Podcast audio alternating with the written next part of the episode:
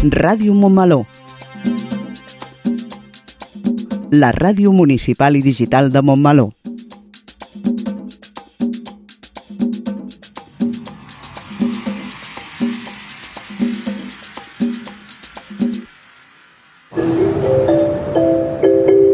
Propera parada, Montmeló.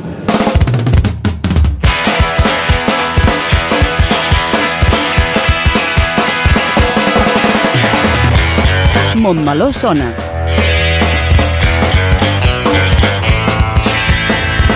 El magazín informatiu de Ràdio Montmeló.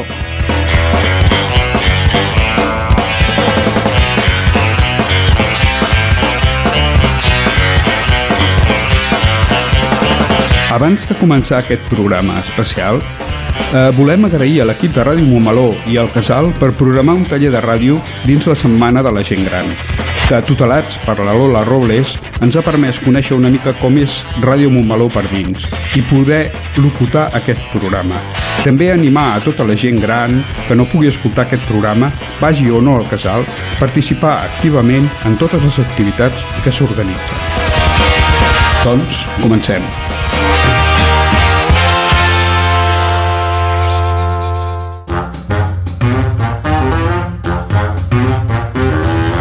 Montmeló sona, el magazín informatiu de Ràdio Montmeló. Montmeló sona i sona així de bé.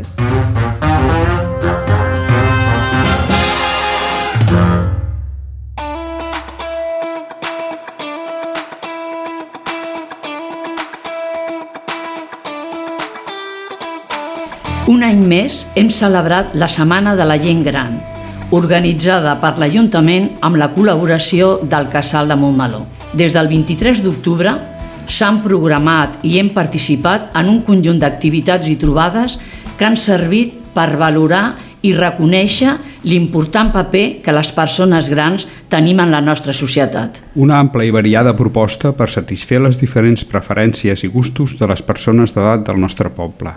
La cluenda de la setmana serà demà diumenge amb el tradicional dinar d'homenatge a la gent gran. Tot seguit us fem un tastet de les activitats organitzades. Dilluns iniciaven les activitats amb una passejada pels indrets històrics i arquitectònics més interessants de Montmeló. La passejada va servir per conèixer l'evolució del nostre poble des de la prehistòria fins al segle XX. Un recorregut guiat pel director del Museu de Montmeló, en Pol Castejón, que va començar a la granja Dos Mercedes i va finalitzar a l'església.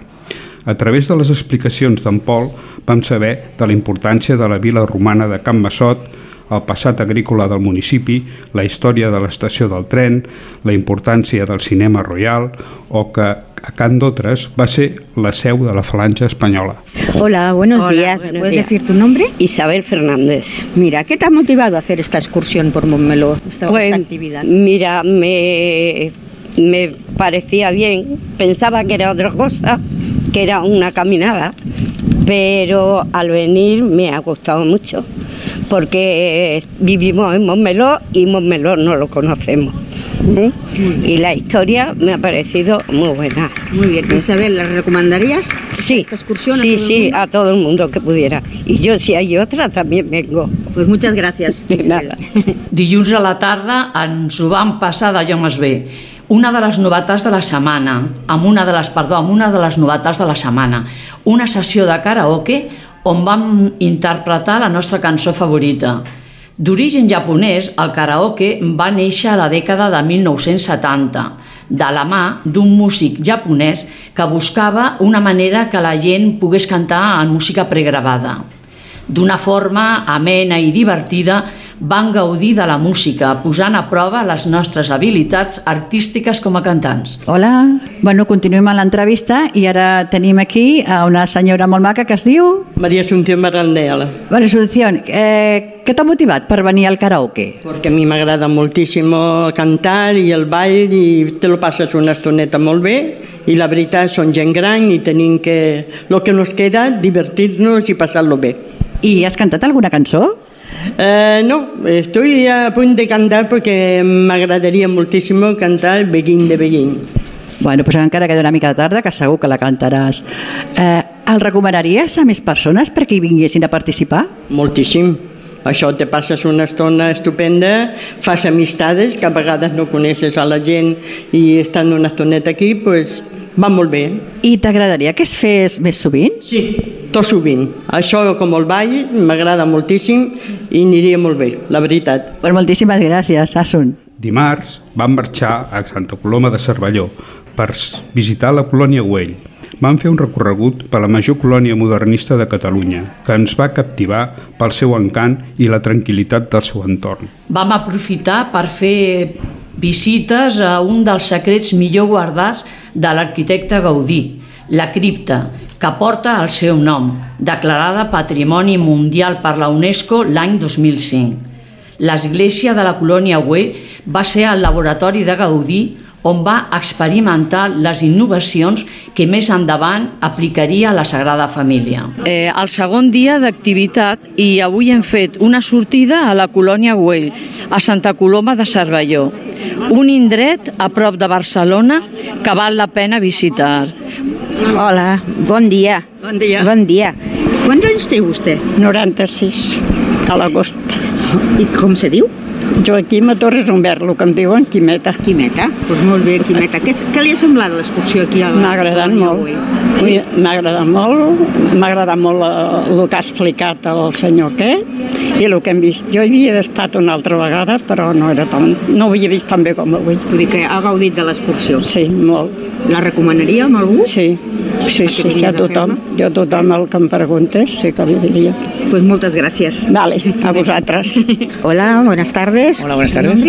Emmanuel. ¿Qué le ha parecido la excursión aquí a la Muy agradable, muy, muy didáctica y, a- y además, aparte que yo soy un enamorado de, de Gaudí. Muy bien. ¿Recomendaría la excursión Sí. a otras personas? Por supuesto. Pues muchas gracias. Venga. Com és habitual, la salut també ha estat present durant la setmana.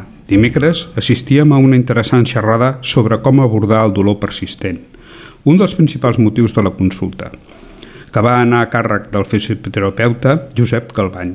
Galbany va centrar la seva intervenció a explicar les principals causes del dolor entre la població gran i va donar una sèrie de consells per fer-li front i millorar la qualitat de vida d'aquest col·lectiu.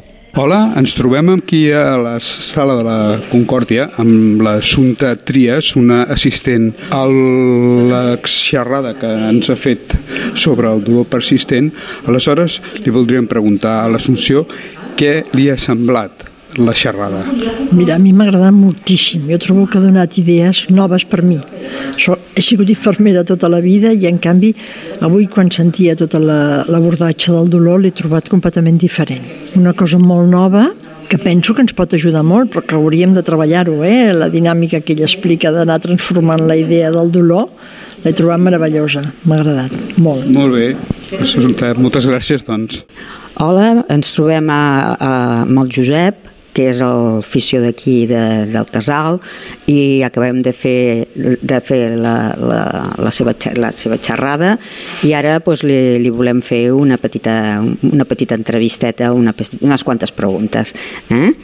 A veure, Josep, creus que el missatge de la teva exposició ha estat captat? La veritat és que espero que sí. Ara mateix, en aquests moments, no, no et sabria dir un sí rotund. Per les cares que jo veia quan parlava, em semblava veure una certa assertivitat. També, per altra banda, he estat una mica matxacón, he, estat, m'he fet pesadet amb alguna idea, per tant, espero que sí que, que, hagi, que hagi arribat. Molt bé, gràcies. Veus positiu fer periòdicament xerrades d'aquestes temàtiques? Home, sí, interessant, per suposat. És un tema que, encara que el coneguis, s'ha de treballar, no? s'ha de repetir, s'ha de... De fet, és el missatge, és, és, és part del missatge que, que avui dèiem, no? Eh, s'han de treballar, potenciar altres vies, per tant, el missatge aquest, a mesura que l'anem repetint, també anirà, anirà calant i acabarà funcionant. Doncs moltes gràcies, Josep. Ahir divendres va tenir lloc la presentació de l'Aula Sènior, un projecte que es reprèn ara amb el suport professional de l'Escola de Persones Adultes de Montmeló. L'aula sènior té com a objectiu estimular l'aprenentatge permanent i actiu, les relacions personals i contribuir a la qualitat de vida de les persones grans mitjançant la programació de conferències sobre temes d'interès general. Bon dia. Eh, a veure, estem fent una mica de, de prenent, eh, pulsant una miqueta l'opinió eh, d'algunes persones sobre els tallers que s'estan fent a, amb la, la celebració de la gent gran. Concretament aquest de la Universitat Sènior, eh, sisplau, què, què et sembla? I em dius primer el teu nom, si és tan amable? Sí, mira, em dic Jordi Comas, i bé, avui he vingut eh, una mica a veure de què anava això de la Universitat Sènior, perquè el títol en principi ja em semblava molt bé, em semblava molt bé perquè sempre he defensat que l'educació és per tota la vida i tota la vida ens hem d'estar formant i reeducant. Aleshores, eh, avui el que hem vist aquí és que és una proposta molt interessant, sobretot és una proposta molt, molt oberta, eh, que suposo que serà un primer any d'experiència, eh, hem comentat en aquí que semblava que estava una mica limitat per l'especialitat de les profes, perquè sembla que les profes una és especialista en llengua castellana i és que els temes estan molt centrats en aquí la qual cosa també hem comentat això, que també estaria bé difondre una mica la literatura catalana i sobretot també ha sortit el tema del medi ambient i temes així més, més tècnics que jo crec que també haurien de formar part. Però de totes maneres la idea està molt bé, que la gent gran tinguem accés a formar-nos i a la cultura. Doncs moltes gràcies, Jordi. No et pregunto res més perquè és que ja ha sigut més que suficient. Ens has facilitat enormement aquesta labor, eh? Molt amable, eh? Molt, eh? Això molt amable. A la tarda anàvem al teatre a veure l'espectacle Iaia, a càrrec de Mambo Project, una proposta immersiva on els actors es mouen al voltant i pel mig de les taules en una coreografia ràpida i perfectament estructurada. Un dels grans encerts és la proximitat i la interacció amb el públic. El col·lectiu Mambo Project investiga la història poc investigada, la del dia a dia, la de les dones, la de la realitat social de fa dues generacions, la de la vida en un sistema que imposava el seu model, i ho fa des de la mirada del segle XXI, generant un emotiu diàleg intergeneracional. El resultat és un espectacle divertit, crític i molt tendre, que interpel·la a jovens i grans. Hola, bona tarda. Aquesta tarda estem aquí a la Torreta veient una obra de teatre que es titula La iaia i estem parlant amb... Amb Maria Glòria López Arias. Maria Glòria, què t'ha semblat l'obra? M'ha agradat molt. És una obra de teatre molt diferent. Jo no havia assistit mai a una obra immersiva i m'ha agradat. Trobo que és una cosa molt interessant. T'has vist reflexada en algun moment del, del personatge, de la iaia? Sí, reflexat sí amb algunes coses, però clar, és que l'època que, que comentaven és anterior a la nostra, perquè és clar, nosaltres a, a la nostra joventut ja no hi havia la Guàrdia Civil en el tren, per exemple, i això, però sí, és el que ens explicaven els nostres pares i és el que passava.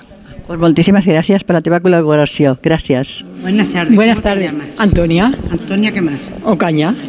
¿Qué te ha parecido pues la obra? La obra de teatro me ha encantado porque me ha recordado todo cuando mis padres, todo lo que ha vivido y, y muy bonito todo, muy, muy bonito. reflejado en algún momento en el, en el papel, en la obra? Sí, cuando cantaba la canción Mira que eres linda. Ha sido muy chulo, muy bonito, sí, sí, sí, me ha encantado. Bueno, ¿tienes nietos, no? Sí, tengo cuatro. Entonces también te habrás sentido sí, orgullosa de Sí, tu sí, nieta. bueno y tanto. Y mi padre lo he visto porque esas canciones a mi padre le, le encantaba, claro. Lo que habíamos vivido con, con los padres. Vale, muchas gracias. Us hem detallat la programació més rellevant, però també us hem de dir que vam comptar amb activitats ja consolidades com una apassionant sessió de bingo, la xocolatada, el concurs de truites i l'oferta dels esmorzars saludables que feien cada dia a la zona del bar del casal de la gent gran. Buenos días. Estamos en el Casal de la Yen Gran con Nieves, presidenta de la Junta, que nos hará una pincelada sobre los desayunos que se ofrecen durante esta semana eh, en homenaje a la Yen Gran de Montmeló. Dime, Nieves, ¿qué tenéis pensado hacer? Buenos días, Encarna. Pues hoy es el primer día y empezamos con cruzanes con salami, que el contraste de sabores es estupendo. Ya lo hemos hecho varios años y gusta mucho. El martes no tenemos porque nos vamos a Barcelona. El miércoles seguramente serán bikinis, calentitos, jamón dulce y queso. El jueves haremos torradas con embutido variado. Y el viernes haremos la chocolatada con galletas, magdalena y cositas que traerá el Pera Rodríguez. Luego el sábado tenemos el concurso de tortillas, que participan varias personas de, de aquí del Casal con premio. Habrá premio al, al, sabor, a la presentación y a la originalidad. Los premios se darán el domingo en, durante la comida, bueno, en un intermedio, ¿no? Y bueno, mmm, felicitamos a toda la gente que participa y esperamos que sea una semana agradable para todo el mundo. Y a vosotras, a la Junta, gracias por el trabajo que realizáis. Hola, bon dia. Estem amb la cluenda dels esmorzars per la gent gran, eh? amb la gran xocolatada, i anem a colzar la, uh, el seu nom, si us plau? Josefina. A la Josefina, què li ha semblat això dels esmorzars de A mi m'encanta, jo vinc cada any. Bueno, vinc amb molt, eh, tot el que fan al casal, perquè aquestes noies de la Junta, de veritat, són una passada. Jo no sé què passarà, però mai, mai, mai ha anat la Junta del Casal com va ara amb aquestes noies, de veritat, eh? Són una passada. Eh, eh, es desviuen per tot, per fer, cada dos per tres fan una festa especial, cada 15 dies fem ball, i és una llàstima que la gent no, no sapigui valorar el treball que fan, i és voluntari, perquè es pensen que, que és de l'Ajuntament. Això no és de l'Ajuntament, això és d'elles, que ho fan voluntàriament tot. Eh? I jo, jo estic encantada, jo vinc a tot el que fan, a tot. Per tant, Josefina, recomanaria que la jo gent sí, vingui sí, a totes que les vinguin activitats. perquè, mira, hi ha, hi ha dissabtes quan fan ball que s'omple, però hi ha altres que han de posar cèntims elles, perquè això no ho paga ningú, ho paguem nosaltres, els que venim a ballar. Clar, clar, clar. I llavors hi haurà un dia que s'acabarà, i llavors, eh? després és que ahir hi havia cine, sí. pues no es va omplir, i després es queixen que no es fa res, que és una llàstima. Eh? I l'altre dia també, eh, al matí van fer una, una xerrada d'astronomia, de, de coses molt mal, molt interessant, però sabíem quatre gats, és una llàstima. Pues moltes gràcies, Josefina. Per acabar amb aquesta secció, ens agradaria que la regidora eh, ens expliqués o ens digués el, el seu parer de com ha vist la participació que hi ha hagut en totes aquestes activitats que s'han programat dins de la Setmana de la Gent Gran i quines conclusions en pot treure? Doncs jo, a falta de fer la reunió tècnica, bé, de que acabi la setmana, primer també, i a falta de fer la reunió tècnica de seguiment, com tots sabreu, no m'he pogut incorporar a les activitats fins ahir divendres, donat que he estat de baixa, perquè els virus no m'han respectat, i per tant els inputs que he pogut tenir de dilluns a dijous són els que m'ha anat donant la tècnica i els de persones que igual m'han enviat algun WhatsApp explicant-me alguna cosa. Clar, això no em serveix per emetre un judici global de realment com ha anat.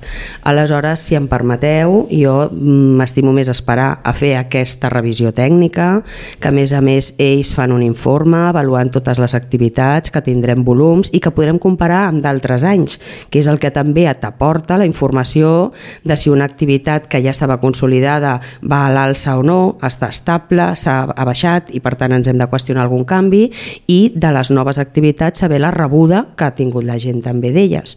Per tant, jo, si em permeteu, m'hauré d'esperar fer aquest, eh, que em presentin aquest informe tècnic per poder fer unes conclusions més mm, vàlides, per dir-ho d'alguna manera perquè si no seria, jo us puc dir meravellós, però clar, el que s'adreça a tu per dir-te alguna cosa sempre normalment és en positiu. A qui poder no li ha agradat o qui no ha anat, tu això no ho saps i l'única manera de valorar-ho és amb aquest informe tècnic. Eh, doncs moltes gràcies, Jus. De res.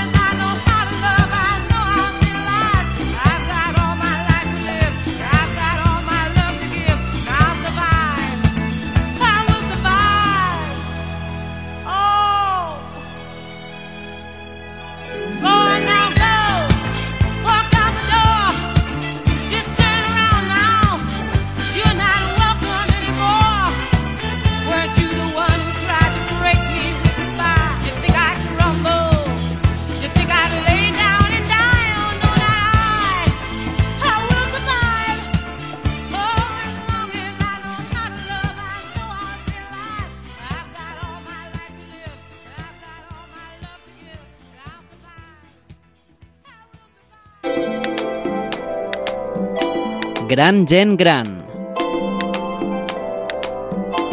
El magazín del col·lectiu de pensionistes. El dia 1 de cada mes a Ràdio Montmeló. Ei, vinga, som-hi ja. És el moment de fer el pas. A casa, a la feina i al carrer. Quan anem de festa o al taller. Parla'm amb el. Només hem de començar. Va, provem-ho en català. Tu per mi i jo per tu. I quan vulguis tots plegats. Molt per parlar, molt per Provem-ho en català. Molt per parlar, molt per viure. Generalitat de Catalunya. Sempre endavant.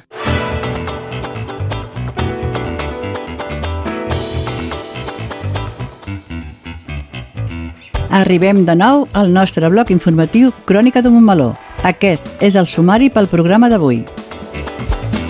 Obert el termini per la sol·licitud de subvencions per al pagament de lloguer i subvencions sobre els imposts de béns immobles. Canvi a l'horari d'hivern del 28 al 29 d'octubre s'endarrerirà una hora.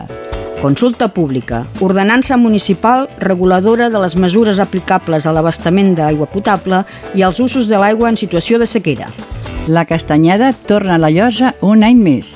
S'inicien els treballs d'actualització i revisió del projecte de construcció d'habitatges de lloguer social al sector nord.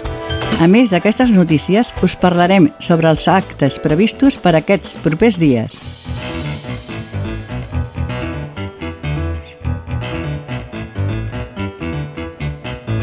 Del 25 d'octubre al 24 de novembre sobre la convocatòria de les subvencions per al pagament del lloguer i sobre l'IBI del domicili habitual i d'aquells habitatges destinats a lloguer social mitjançant l'Oficina Local d'Habitatge. En el cas de les subvencions per al pagament del lloguer, se'n podran beneficiar les persones titulars d'un contracte de lloguer d'un habitatge situat al terme municipal de Montmeló, destinat a domicili habitual i permanent, i que acreditin residència legal al municipi durant un mínim de dos anys. En el cas de les subvencions sobre l'IBI, se'n poden beneficiar les unitats familiars, convivencials o individuals, amb uns ingressos baixos o moderats, i les persones propietàries dels habitatges que es destinin al lloguer social mitjançant l'oficina local d'habitatge de l'Ajuntament de Montmeló. El termini per la presentació de sol·licituds és des del dia 25 d'octubre fins al 24 de novembre i per fer-ho cal adreçar-se a l'Oficina d'Atenció a la Ciutadania i a l'Oficina Local d'Habitatge. El canvi d'hora es realitza sempre el darrer diumenge d'octubre. Aquest 2023 canviarem l'hora a la matinada del dissabte 28 al diumenge 29 d'octubre. En concret, la modificació arribarà a les 3, hora peninsular. En aquests moments, l'horari s'endarrerirà una hora i quan les agulles del rellotge marquen les 3, caldrà tornar a les dues. Per tant, durant la nit del 28 al 29 d'octubre es dormirà una hora més. Cal recordar que pel que fa a la llum natural, a partir d'aquell dia clarejarà a una hora més primerenca i també vespre abans. Per què canviem l'hora cada any dues vegades? L'objectiu d'efectuar un canvi d'hora dues vegades cada any es ajusta a la jornada laboral amb les hores de llum, diàries per aprofitar més la llum natural i aconseguir un estalvi energètic. L'altre canvi d'horari es farà al març per adaptar-nos a l'horari d'estiu. Què se sap sobre el futur dels canvis horaris a Espanya? El canvi d'hora es troba des de fa uns quants anys amb dubte. De fet, la Comissió Europea va fer una enquesta al 2018 sobre aquesta qüestió en què la majoria dels participants es van mostrar en contra de mantenir el canvi d'hora. Posteriorment, a l'any 2019, el Parlament Europeu va donar suport a posar fi a aquesta situació a partir del març del 2021, amb una resolució que permeti a cada país triar si volia mantenir l'horari d'estiu o d'hivern, però finalment la iniciativa no va tirar endavant. Fins al 10 de novembre s'obre un període de consulta pública per tal que la ciutadania pugui fer les aportacions a la proposta d'ordenança municipal reguladora de les mesures aplicables a l'abastament d'aigua potable i als usos de l'aigua en situació de sequera. Aquesta ordenança té per objecte la regulació dels usos de l'aigua en l'àmbit municipal, per tal de garantir el servei públic d'abastament i distribució d'aigua potable de competència municipal i fomentar l'estalvi en el consum d'aigua en situació de sequera i s'aplicarà durant els períodes de sequera declarats per l'Agència Catalana de l'Aigua. És evident que en un context d'escassetat de recursos hídrics és necessària la col·laboració de totes les administracions implicades i altres entitats que prestin el servei, alhora que l'esforç i la participació de la ciutadania per tal de promoure conductes associades a l'estalvi de l'aigua i minimitzar el risc de desabastament de la població. L'Ajuntament, amb els objectius de protecció del medi, de garantir l'ús racional de l'aigua, de garantir la prestació del servei de subministrament d'aigua a la població i de dotar-se de les mesures necessàries per fomentar l'estalvi en el consum d'aigua i regular els usos d'aigua en el municipi en situació de sequera, adopta l'ordenança reguladora de les mesures aplicables a l'abastament d'aigua potable i als usos d'aigua en situació de sequera que contempla un seguit de limitacions particulars pensades per als municipis de les conques internes de Catalunya. Per participar en aquesta consulta és ben senzill. Cal llegir l'ordenança i omplir el formulari que podeu trobar a la web de l'Ajuntament amb les vostres aportacions abans del 10 de novembre. Dimarts, 31 d'octubre, Montmeló tornarà a celebrar la castanyada a la Llosa amb una tarda plena d'activitats per petits i grans i seguirà al vespre amb la cremada de l'estació jove, sopar popular i música. Com ja és habitual, la festa de la tardor, per excel·lència, començarà a les 5 de la tarda a la llosa de l'estació, amb la tradicional venda de castanyes i altres productes del temps per part del Club Infantil i Juvenil Esplayet. D'altra banda, també hi haurà tallers infantils, on els més petits podran fer un marcador de pàgina i un cistell amb fulles i elements naturals. Un cop tot el públic hagi menjat castanyes i participat en els tallers, començarà l'espectacle d'animació familiar, Paura, a carrer de la companyia Belluga, que presenta un espectacle complet, dinàmic i àgil. Una experiència única i compartida on tots els membres de la família podran gaudir i donar-ho tot. Per acabar de redonir la festa familiar, es realitzarà el gran sorteig de les paneres del Club Infantil i Juvenil Esplayat. Participa en l'estirada de corda. Aconsegueix que el teu color guanyi i entra al sorteig de dues fantàstiques paneres. Cap al vespre, la colla de Diables de Montmeló recupera una activitat que va iniciar el 2019 amb un gran èxit, la nit de les petites bruixes, que inclourà cremada de la façana de l'estació jove. Es tracta d'un espectacle que fusiona les tradicions celta i catalana i que comptarà amb, les, amb la participació de totes les seccions de la colla i del bestiari. Per acabar la festa, tindrem el sopar popular de l'Esplayat a base de botifarres i pinxos. La festa es prolongarà amb servei de bar i música fins a la una de la matinada, quan ja haurem entrat en el dia de Tots Sants. Dijous 2 de novembre, a les 19 hores, tindrà lloc una reunió informativa a la Sala de la Concòrdia per explicar detalladament el projecte de construcció d'habitatges de lloguer social al sector nord a tota la ciutadania.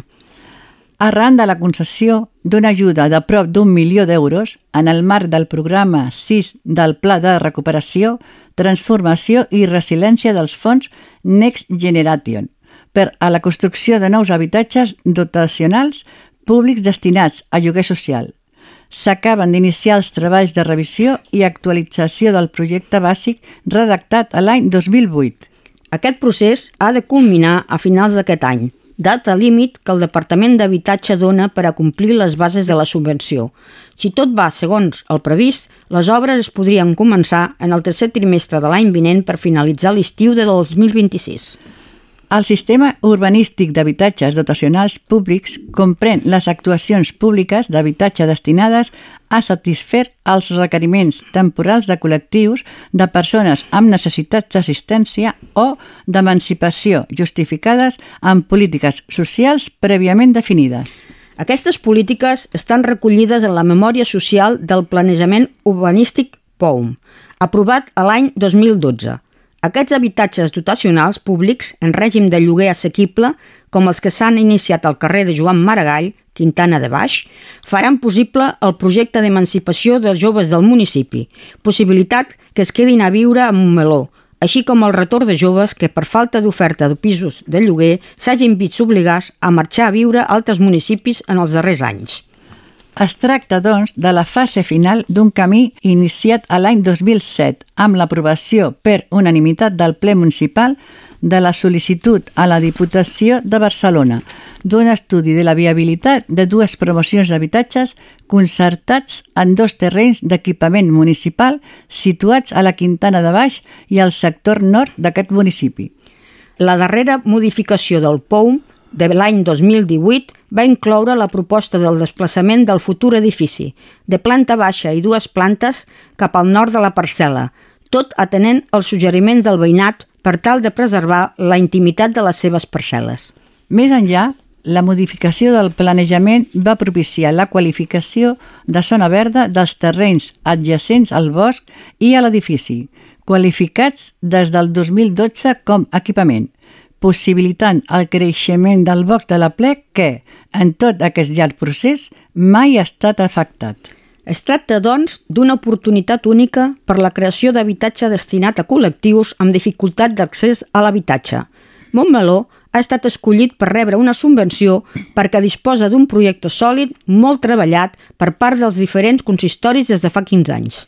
No en va, a l'any 2009, es va licitar un concurs per adjudicar els dos projectes de la Quintana de Dalt i Sector Nord, conjuntament amb la Diputació de Barcelona, que va a quedar desert per manca de promotors interessats a desenvolupar les promocions dotacionals en règim de lloguer social.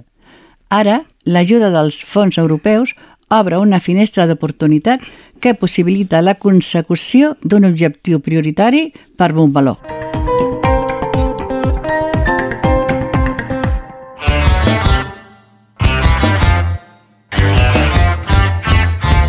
Iniciem el bloc d'agenda activitats culturals previstes des d'avui dissabte i fins diumenge 5 de novembre.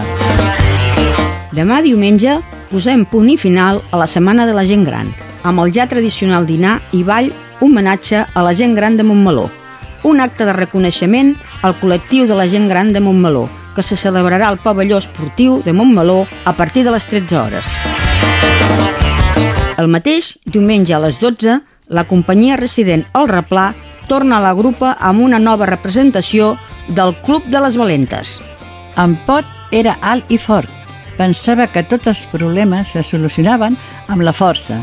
Quan algú es negava a fer el que ell volia, l'amenaçava dient-li que li clavaria un cop de puny. Tothom estava atemorit, però aquesta situació va arribar a la seva fi el dia que en Jaunes i els seus amics i amigues van crear el Club de les Valentes. El preu de les entrades és de 4 euros pels infants, 7 euros pels adults i els menors de 3 anys no paguen. Per aquest espectacle hi ha l'opció d'un pack familiar per a 4 persones per un preu de 20 euros. Quan ve el temps de menjar castanyes, la castanyera, la castanyera. Dimarts 31, a partir de les 5 de la tarda a la Llosa. Tallers de tardor per a tots els nens i nenes i venda de castanyes i altres productes de temporada. A dos quarts de set de la tarda, a l'espectacle d'animació musical Paura, de la CIA La Belluga. La Belluga es presenta Paura, un espectacle complet, dinàmic i àgil on cada una de les seves actuacions es converteixen en una experiència única i compartida. Un directe potent, fresc i atrevit per l'alegria i la felicitat on els membres de la família podran gaudir i donar-ho tot. A dos quarts de vuit, sorteig de la panera del Club Infantil i Juvenil Esplayat. Vine a estirar la corda, fes que el teu color guanyi i entra al sorteig de les dues fantàstiques paneres que ha preparat a l'Esplayat. A les 8 del vespre, la nit de les petites bruixes a càrrec de la colla de Diables de Montmeló.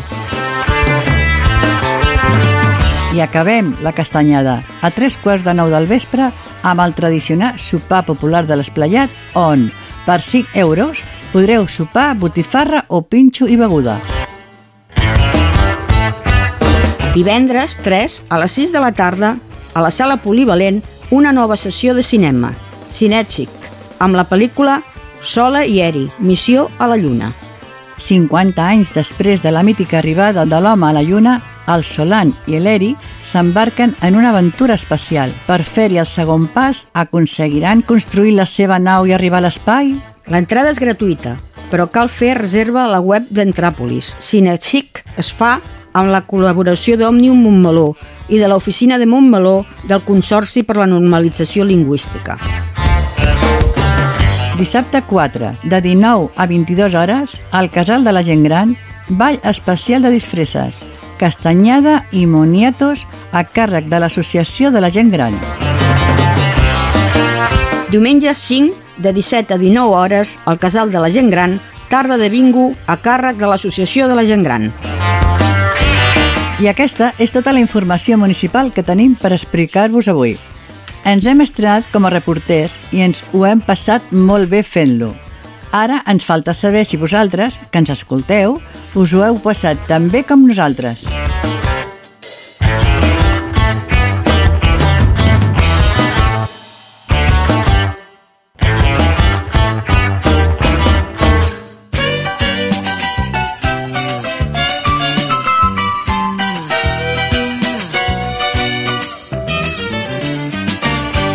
puede ser un gran día, plantéatelo así. Aprovechar lo que pase de largo depende en parte de ti.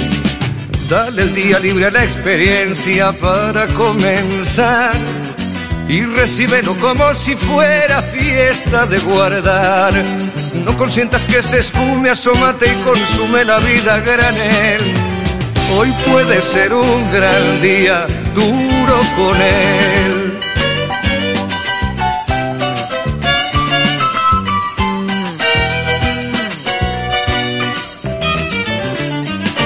Hoy puede ser un gran día donde todo está por descubrir.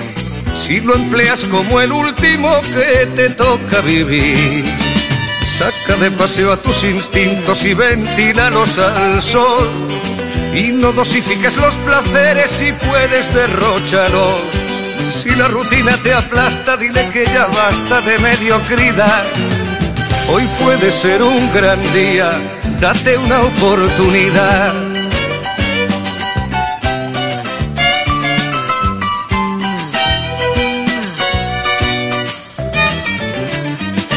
Hoy puede ser un gran día imposible de recuperar. Un ejemplar único, no lo dejes escapar. Que todo cuanto te rodea lo han puesto para ti. No lo mires desde la ventana y siéntate al festín. Pelea por lo que quieres y no desesperes si algo no anda bien. Hoy puede ser un gran día y mañana también.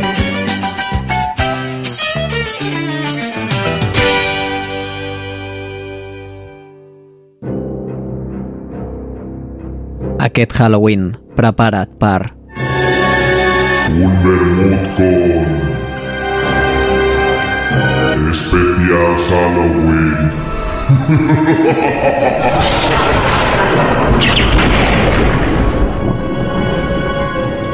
Dimarts 31 a les 8 de la tarda en directe a Ràdio Montmeló.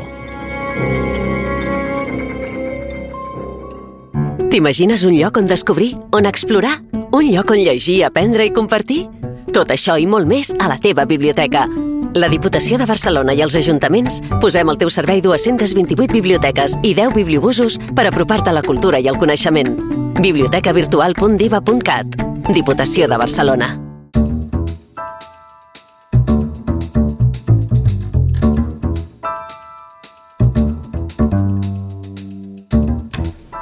Hola, bon dia. Avui estem amb la regidora d'Educació, Salut Pública i Envelliment Actiu de l'Ajuntament de Montmeló. I no has passat pel confessionari de la ràdio, oi? No, he escapat fins ara. Doncs avui farem unes quantes preguntes per saber una mica més de tu, si et sembla bé. Perfecte. Molt bé. Digue'm nom i cognom. Jo em dic Maria Jesús Prieto Vila. El que passa és que tothom em coneix per la Xus Prieto. Molt bé, doncs el direm Xus. Quina edat tens, Xus? 55. A l'estat civil? Casada. Tens fills? Dues filles de 20 i 22 anys. On vas néixer, Xus? Jo vaig néixer a Granollers perquè a Montmeló no es podia néixer, però realment sóc d'aquí de tota la vida. Molt bé. Eh, treballes? Sí, treballo a Barcelona amb una companyia asseguradora des de fa moltíssims anys. Molt bé. El teu llibre favorit, Xus? Em poseu en un dilema amb això perquè a mi m'agrada molt La Catedral del Mar, és un llibre que em va agradar molt, però també hi ha un altre que té més impacte que, i que és un llibre molt estretet que us ho recomano, que es diu Adreça desconeguda. És molt maco. Si haguessis de triar una cançó que definís la teva vida o un moment molt especial, quina triaries? Jo tinc una cançó especial que quan la sento, estigui com estigui, m'aixeca l'ànim. És molt banal, si voleu, però a mi m'encanta. I és la de l'Alaska, a qui le importa. Jo crec que és la típica cançó que tots els que la sentim acabem cantant i ballant i bellugant-nos i sembla que sigui allò com un revulsiu que faci que tu mm, diguis que sí, que si jo faig això ho faig perquè jo vull i que no vull que ningú em digui per què no ho puc fer. I és una cançó que, que m'agrada molt. Un poble o una ciutat on perdre's i per què? Jo és que tinc el cor robat. Jo sempre he dit que si mai em perdo i no em trobeu amb un meló, busqueu-me a l'escala. Jo és que no necessito alguna molt lluny, necessito un lloc que m'inspiri pau, que estigui tranquil·la. Jo no m'amago de ningú, per tant allà hi ha molta gent de Montmeló, jo m'hi trobo, perfecte però a mi em dona molta pau. Estar allà al costat del mar, veure les onades, passejar pel, pel passeig marítim, anar-me'n a la zona d'Empúries, tot el passeig aquell que n'hi ha entre els arbres, m'agrada molt. Sóc una enamorada de l'escala. El teu menjar preferit, Xus? No en tinc un de preferit, però si em dieu què acostumes a demanar si te'n vas fora? Home, si n'hi ha paella, jo paella. El darrer lloc on has viatjat? Jo no acostumo a fer viatges llargs perquè com estic sempre fora de casa per feina, quan una porta molts anys que al matí marxa, està sempre fora, dines fora, el que vols és tranquil·litat. Aleshores jo grans desplaçaments no en faig. Però, per exemple, si m'he d'escapar i no m'escapo a l'escala, doncs a mi m'agrada a l'hivern fer alguna escapadeta de dos o tres dies a Andorra, passejar per allà per les muntanyes... O sigui, són llocs tranquils si no, qualsevol excursió. O sigui, l'última que he fet, jo em volia assegurar que vosaltres estiguéssiu bé a la colònia Güell. Doncs fa dos diumenges jo vaig escapar amb el meu home, me'n vaig anar allà, vaig anar al punt d'informació, vaig mirar tot el que hi havia allà, on estaven els lavabos, on estava el restaurant, on podia aparcar l'autocar. O sigui, volia, a mi, riscos zero. Els que em coneixen saben que jo, riscos zero. Aleshores, l'última que vaig fer, aquesta per assegurar-me que estiguéssiu bé. Doncs ha sigut un, un, un encert total, eh? Me n'alegro. Practiques l'esport? No tinc temps. Qui recorda, què recordes del Montmeló de la teva infància? Uf, jo sóc nascuda al Sant Cris, imagineu-vos, a l'últim edifici que n'hi havia on acabava el poble. El meu pare va venir a, a viure a Montmeló perquè era treballador de l'empresa de l'Oxigen. No sé si sabeu aquesta empresa. Doncs clar, tota la vida hem viscut a l'últim edifici d'allà. Jo vaig anar a estudiar al Santa Maria. Aleshores, sempre pujava pel carrer del Sant Cris amb els arbres, les voreres totes plenes de fulles a la tardor, travessaven per l'estació vella, passaven per les vies, anaven per on estava el moll de càrrega de la Renfe, els que teniu uns anys ho recordareu, passaven per la, pel fort d'allà del pont, eh? la, la, el fort de, de Campipó, i després anàvem cap a l'escola. Jo aquest recorregut el guardo un molt bon record i quan ara veig la Quintana veig com ha evolucionat, però clar, abans era tot camps. Penseu que nosaltres al Sant Cris estava despenjadíssim, estàvem als del Sant Cris, ens deien, o sigui, allò Eh, bé, teníem que, que ha canviat de, de Montmeló, però ja ens ho has dit amb, la, amb aquesta altra pregunta. Si et demano que tanquis els ulls i busquis un record, quin és el primer que et ve al cap? Jo, a mi, els records que més m'agraden són els de compartir, per exemple, els Nadals amb tota la meva família, estar tots aplegats en una taula, poder parlar tranquil·lament, eh, tots, pares, fills, nets, nebots, poder compartir aquelles estones, jo per mi això no té preu. I un altre que tampoc té preu és l'amistat. O sigui, tinc uns grans amics, tinc molta sort amb els amics que tinc i per mi són part de la meva família. Aleshores, aquestes estones que podem fer d'una excursió, compartir aquell dia, no som, és el que us dic, no som d'anar a grans restaurants, no som de fer, som capaços d'agafar un entrepà i agafar i dir anem a fer una sortida i anem amb els amics, els fills, no sé què, ens plantem a qualsevol lloc, fem una sortida, ens plantem a qualsevol lloc a menjar el bocata, que ens el portem nosaltres, i aquelles estones, és que és el que us dic, no tenen preu. Si poguessis tirar enrere el temps, en quin moment et situaries i què canviaries? hi ha una cosa molt important que moltes vegades he dit, això no ho tenia que haver fet. Jo suposo que a vosaltres també us sonarà això perquè no sóc l'única que li va passar. Quan tu estàs estudiant i comences a treballar, arriba un moment que, clar, t'acostumes a ingressar, que a més a més se't comença a fer incompatible el treballar amb l'estudiar i no vaig acabar la carrera. Me n'hi han penedit moltes vegades d'això i és una cosa que sempre, sempre els dic a les meves filles. No barregeu. Per què? No perquè realment em senti que no he pogut fer el que m'hagués agradat, perquè sense haver-la acabat, gràcies a Déu, he tingut molt bones feines i amb molta responsabilitat. Però sí que és veritat que, per desgràcia, el món laboral és molt cru i moltes vegades m'he trobat que no he guanyat o no he tingut segons què per no haver acabat aquests estudis superiors, que no vol dir que no estigués preparada, però que simplement, com no ho vaig acabar, i no tenia res que veure el que estava estudiant amb el qui he treballat, però és igual, és un, una falca que et queda aquí i que moltes vegades he dit, maleït moment que no ho vaig fer. Què és el que més valores de les persones? La honestedat, sobretot, la honestedat eh, i la bondat. O sigui, jo per mi les persones que et van de cara, que a més a més si t'han de dir algú, t'agradi o no t'agradi, és que jo ho agraeixo que m'ho diguin, però de cara. Perquè a mi m'agrada també ser honesta i si a mi se'm pregunta alguna cosa i ho sé, us ho diré. Si no ho sé, us diré no ho sé. Si ho puc esbrinar, us diré ho preguntaré, però mai us enganyaré. I qui em coneix sap que sóc així. O sigui, no, a mi el, el donar voltes, el buscar mentides, el com justificar alguna cosa, no sóc així.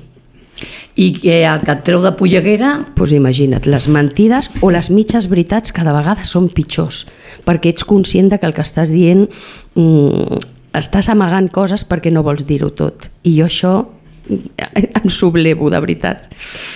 En quin moment decideixes entrar en política i per què ho fas? Ui, aquest va ser, va ser un moment, a més, que em va costar. Eh? Jo vaig estar aquests darrers quatre anys no, però sí vaig estar les dues legislatures anteriors. I el com em trobo amb això, perquè si us dic la veritat, qui em coneix sap que jo sempre dic que a mi la política no m'agrada. Aleshores, clar, imagineu-vos, si a tu no t'agrada la política, què fas aquí? No? Perquè és el primer que et diuen. Jo era mare del Consell Escolar del Sant Jordi, perquè les meves filles estaven en el Sant Jordi. Aleshores, qui era el regidor d'Educació era el Toni Gil. Bueno, li tenia uns placatges que el tenia amargat, pobret. I clar, jo tenia molt clar que si l'escola necessitava alguna cosa, s'havia de lluitar per alguna cosa, doncs jo ho lluitava. El Toni va arribar un moment que em va cridar i em va dir, mira, venen eleccions. A mi m'agradaria que t'ho rumiessis, perquè si el, igual que t'estàs barallant pel Sant Jordi, baralles per tots els nens del poble, jo crec que guanyarem tots. I jo li vaig dir, però què m'estàs dient si a mi la política no m'agrada? I em va dir, és que fer política és el que tu fas des del Consell Escolar és realment lluitar pels demés sense un interès propi. Això és fer política. I jo li deia, ja, però és que el concepte polític jo crec que tots el tenim molt esbiaixat i sempre pensem en els polítics com unes persones que parlen molt i no diuen res, que t'enganyen, que avui et diuen una cosa demà et diuen una altra, i jo deia, és que jo no sóc política, és que no, no. Em va costar molt. Vaig parlar amb la meva família, sobretot amb les meves filles i el meu home primer, com ho veien. I ells primer em va fer gràcia perquè es van posar a plorar i es van sentir super orgullosos de com em podien... I jo no en tenia jo perquè deia, mm, orgullosos de què? I deia, home, que hagin pensat en tu i jo deia, mm, bueno, no sé, no, no, no acabo de veure no, el que us passa i em van dir que el que jo decidís els hi semblava bé. Aleshores ho vaig parlar amb els meus pares i els meus germans, perquè quan tu et poses en una cosa així, penseu que arriben a dir coses molt grosses de tu. I tot això no ets només tu, ets tu i el teu entorn que ho ha d'entomar. I no és agradable. Jo us puc dir que, per exemple, les meves filles han deixat de participar en moltíssimes coses precisament perquè no diguessin que, clar, com eren les meves filles. Però jo m'he arribat a sentir, per exemple, que la meva filla, que va quedar la gran campiona del Campionat de Catalunya d'escacs i a més a més ha representat Catalunya amb el campionat nacional i tot, que clar, és que com era la meva filla i a mi em direu, què té que veure una cosa amb l'altra? Doncs, clar, aquestes coses ells les han de suportar. Quan elles anaven a escola, més d'una vegada algun mestre li deia això explica-li la teva mare, això explica-li la teva mare, a veure si ho arregla. Clar, eren criatures de primària, eh? Arribaven, mama, la profe m'ha dit que a veure si pots arreglar això. I jo deia, però si amb els canals que n'hi per comunicar-se, no utilitzeu a les nenes, no? Però bueno, elles també van veure que les coses s'han de compartir, que has de lluitar, que no tothom som iguals, que ens hem de donar costat uns als altres i tot això és un aprenentatge per elles. El meu home Jo crec que s'ha resignat, sincerament, no es pot dir d'una altra manera, perquè, clar, estic casada, me l'estimo moltíssim, em tornaria a casar amb ell una altra vegada, però està clar que eh, mm, clar, jo estic moltes hores eh, que ell no, no està amb mi, no disposa de mi, mai m'ha fet un pero, mai m'ha dit mm, una queixa, i quan aquesta vegada em van tornar a venir a buscar, clar, jo la primera vegada no sabia què implicava, així de claus ho dic, eh? O sigui, no tens un manual que et diuen què és un regidor o què has de fer. Jo me'n recordo que quan em vaig començar a involucrar, jo sóc de les persones que si m'hi fico, m'hi fico, i si no me'n vaig, i per això vaig marxar l'última vegada, quan vaig veure que no puc més, vaig dir, he de deixar-ho, no puc més, he donat tot, ja no puc més. Quan ara em van tornar a venir a buscar, estava el meu marit amb mi, quan em va trucar el Pere, i em va dir, mira, m'agradaria que tornessis a venir, i jo li vaig dir, mira, Pere, mm, m'ho he de pensar molt, molt, perquè jo ara sí que sé el que implica això. I he de tornar a supeditar la meva família, perquè la meva família ara encara sap més què implica això, perquè ells saben les hores que no hi he estat amb ells. Mentre altres pares estaven fent els deures amb els seus fills, jo estava en un consell escolar, o en una reunió, o barallant amb algú. Quan arriben les vacances, penseu que jo no estic lliberada, amb un meló només està alliberat l'alcalde. Això que implica que la teva empresa tampoc et dona hores eh, per fer aquestes coses. Quan tu has de fer reunions t'agafes dies de vacances. Què vol dir això? Que quan arriba l'estiu a tu et queden 10-15 dies de vacances com a molt, perquè la resta te'ls has polit durant tot l'any per intentar batallar pel poble. Aleshores, clar, ho han de tenir molt assumit. Mm, ja les meves filles eren unes nenes que sabien que jo a l'escola no arribava ni a portar-les ni a recollir-les, perquè el fer horari partit a Barcelona no podia. Gràcies als meus pares, elles sempre han tingut aquest recolzament. Aleshores, clar, tu has de rumiar molt. I vaig dir, ostres, espera, m'ho he de rumiar, de veritat. I vaig trigar, eh? us asseguro que vaig trigar molt. Perquè tenia moments que deia, vinga, va, ja has carregat piles, vinga, va. I després deia, uf, una altra vegada. Mm, jo la crítica constructiva m'agrada. La política aquesta del no, però perquè tu ets d'un color polític i jo sóc d'un altre, no l'entenc. I em costa molt. I clar, això has de ser de mena. Clar, jo si em venen i em fan una proposta, per mi, sigui qui sigui, es digui com es digui, sigui del color polític que sigui, si és algo positiu, jo l'accepto. I sense cap mena de problema.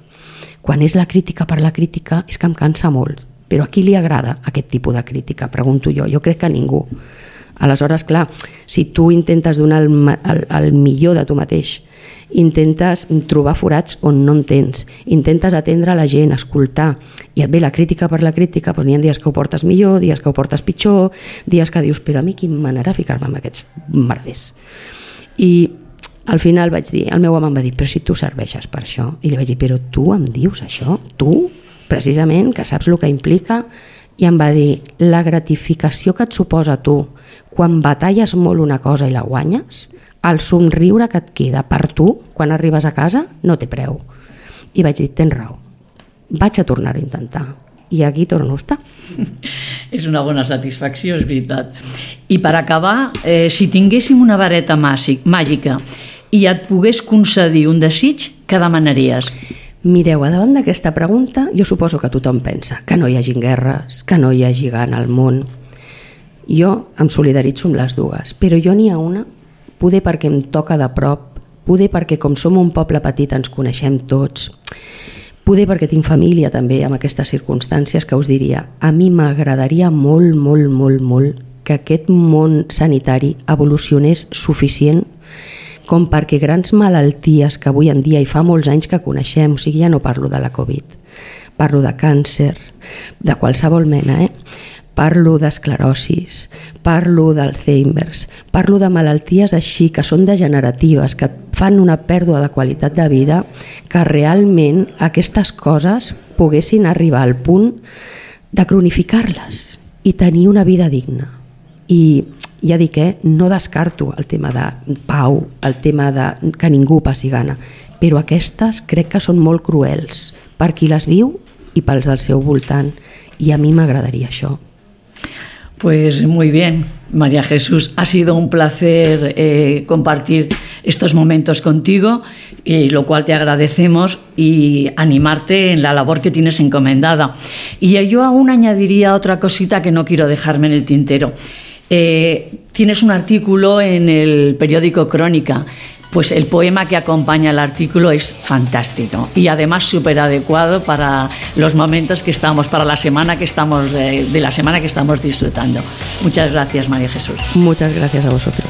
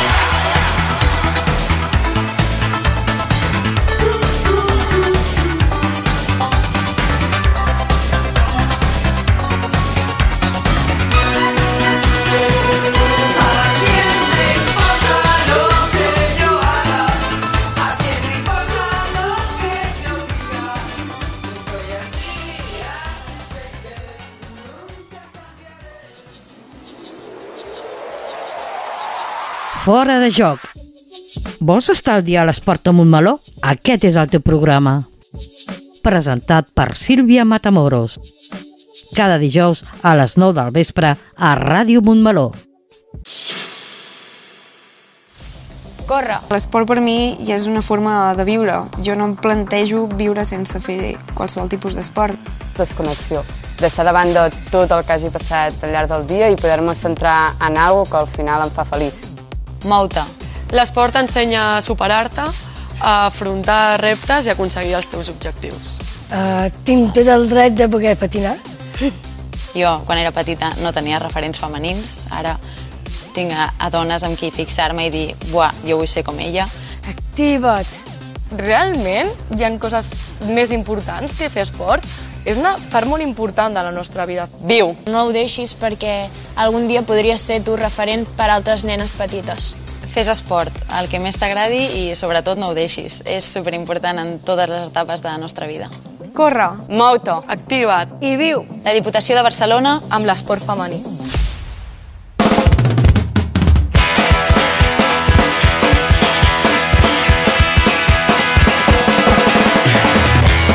I fins aquí el programa especial de Montmeló Sona, que us hem preparat en aquest taller de ràdio, que s'ha programat dins de la Setmana Cultural de la Gent Gran. Esperem que hagueu gaudit del programa tant com ho hem fet nosaltres fent-ho.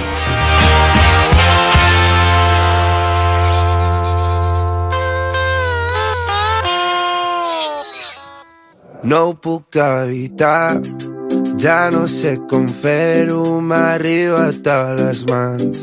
Un coti ben salsero que ha mogut tot el mercat. No me'l puc treure del cap.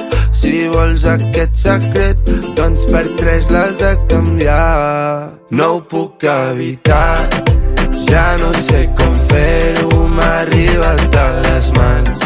Un coti ben salsero que ha mogut tot el mercat. No me'l puc treure del cap. Si vols aquest secret, doncs per tres l'has de canviar. No em vull saber res. Intento no creuar-te la mirada.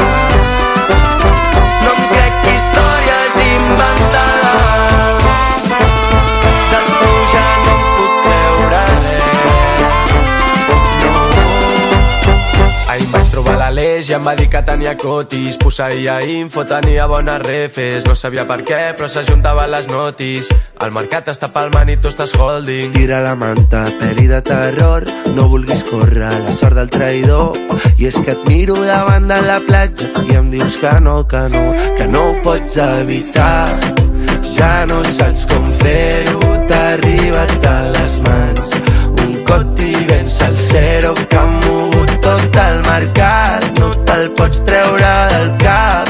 Si vols aquest secret Per tres l'hauràs de canviar. No em vull saber res. Coti per coti, coti per coti Intento no creuar-te la mirada. Coti per coti, coti per coti No em crec històries inventades. Coti per coti De tu ja no em puc creure res.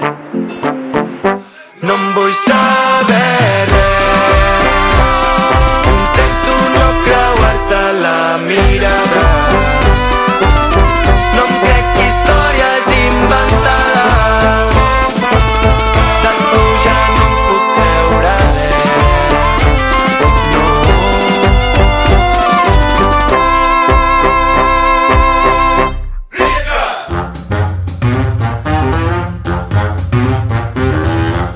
Montmeló sona, el magazín informatiu de Ràdio Montmeló.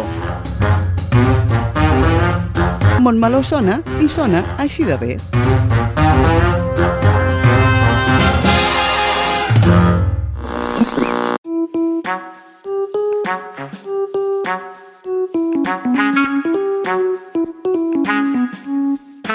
Ràdio Montmeló.